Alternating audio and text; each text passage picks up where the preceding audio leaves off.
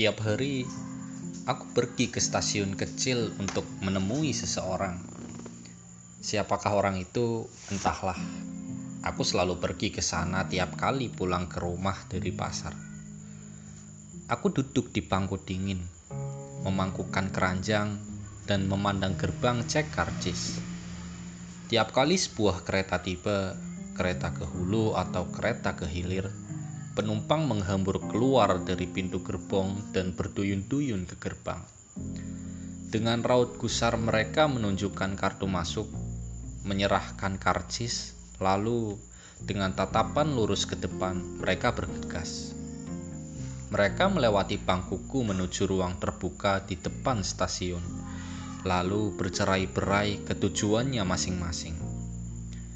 Aku cuma duduk di sini. Bagaimana kalau nanti ada seseorang yang tersenyum dan mengajakku berbincang? Oh, tidak. Jangan. Pikiran ini membuatku sangat gugup. Memikirkannya saja membuatku bergidik. Seperti kalau air dingin diguyurkan ke punggungku. Aku merasa sesak. Tapi tetap saja aku menunggu seseorang tiap hari. Siapakah gerangan orang yang kutunggu itu? Orangnya macam apa? Tapi mungkin juga bukan seorang manusia. Aku tak suka orang-orang, lebih tepatnya mereka membuatku takut. Berhadapan dengan seseorang mengatakan hal yang sebenarnya tak kuinginkan seperti apa kabar? Atau udaranya makin dingin ya? Ngomong cuma asal ngomong belaka. Aku benci itu. Aku jadi merasa seperti seorang pembohong. Seakan-akan tiada pembohong lebih besar di dunia ini. Aku jadi ingin mati saja dan orang yang berbicara denganku karena terlalu waspada terhadapku, memberi pujian tak jelas, menguraikan pendapatnya, padahal sebenarnya dia tak punya pendapat. Aku mendengarkan mereka dan merasa sedih. Sedih karena kewaspadaan penuh prasangka mereka. Itu membuatku makin makin tidak menyukai dunia. Aku tak tahan. Apakah orang-orang selalu begini? seumur hidup saling menjemukan dengan obrolan kaku penuh curiga. Aku tak suka berkumpul bersama orang-orang, jadi kecuali kalau keadaannya benar-benar tidak biasa, aku tak pernah melakukan apa pun yang seperti mengunjungi teman.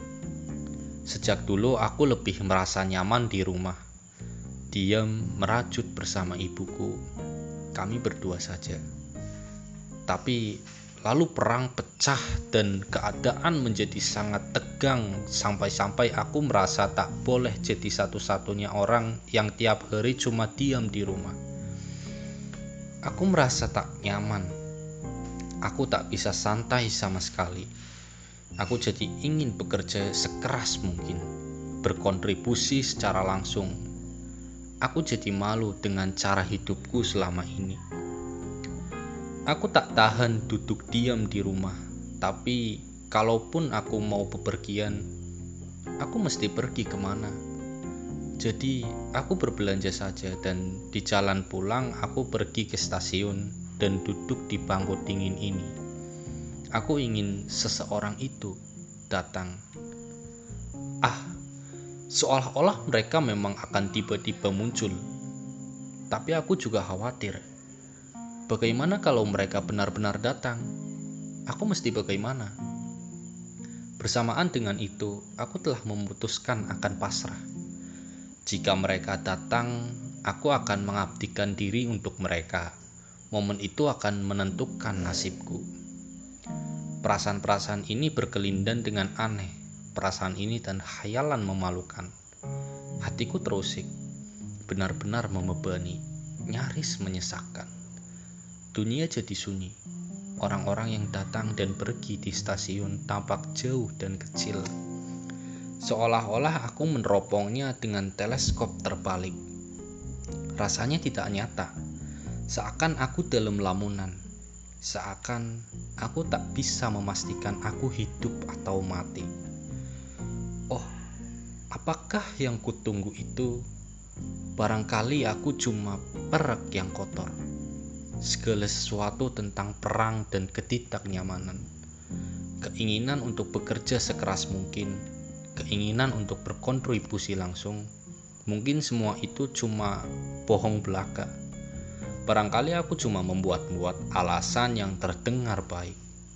Barangkali aku cuma berusaha mencari-cari celah untuk mewujudkan hayalanku yang seenaknya. Aku duduk di sini dengan wajah menatap kosong, tapi jauh di lubuk hati aku merasa melihat suatu percik, suatu kobaran yang terlalu memikat. Lantas siapakah yang kutunggu? Aku sama sekali tak tahu, hanya bayangan samar di tengah kabut pikiranku. Tapi tetap saja aku menunggu Tiap hari sejak perang dimulai, di tengah perjalanan pulang dari belanja, aku datang ke stasiun, duduk di bangku dingin ini dan menunggu. Bagaimana kalau nanti ada seseorang yang tersenyum dan mengajakku berbincang? Oh, tidak, jangan, bukan kau yang kutunggu. Lantas, siapa kalau begitu? Siapakah yang kutunggu? Seorang suami Bukan seorang kekasih, tentu saja bukan seorang teman. Oh, bukan uang, konyol, sesosok hantu. Oh, tidak, sesuatu yang lebih menyenangkan, cerah, dan ceria, sesuatu yang menakjubkan, entahlah apa, sesuatu yang seperti musim semi. Bukan, bukan itu. Daun segar bulan Mei, air jernih dan sejuk yang mengaliri ladang gandum. Bukan, sama sekali bukan itu. Oh, meskipun begitu, aku tetap saja menunggu. Jantungku berdegup. Orang-orang mengalir lewat di depanku. Bukan dia, bukan juga dia. Sambil memeluk keranjang belanja, aku menggigil. Aku menunggu dengan segenap hatiku. Aku menunggu. Aku memohon padamu, tolong, tolong jangan lupakan aku. Gadis yang datang tiap hari ke stasiun untuk menemuimu dan lalu pulang dengan sedih. Tolong, tolong ingat aku dan jangan menertawakanku. Aku tak akan memberitahukan nama stasiun kecil ini. Tak perlu. Suatu kali kau pasti pernah melihatku. Bahkan kalaupun aku tak melihatmu.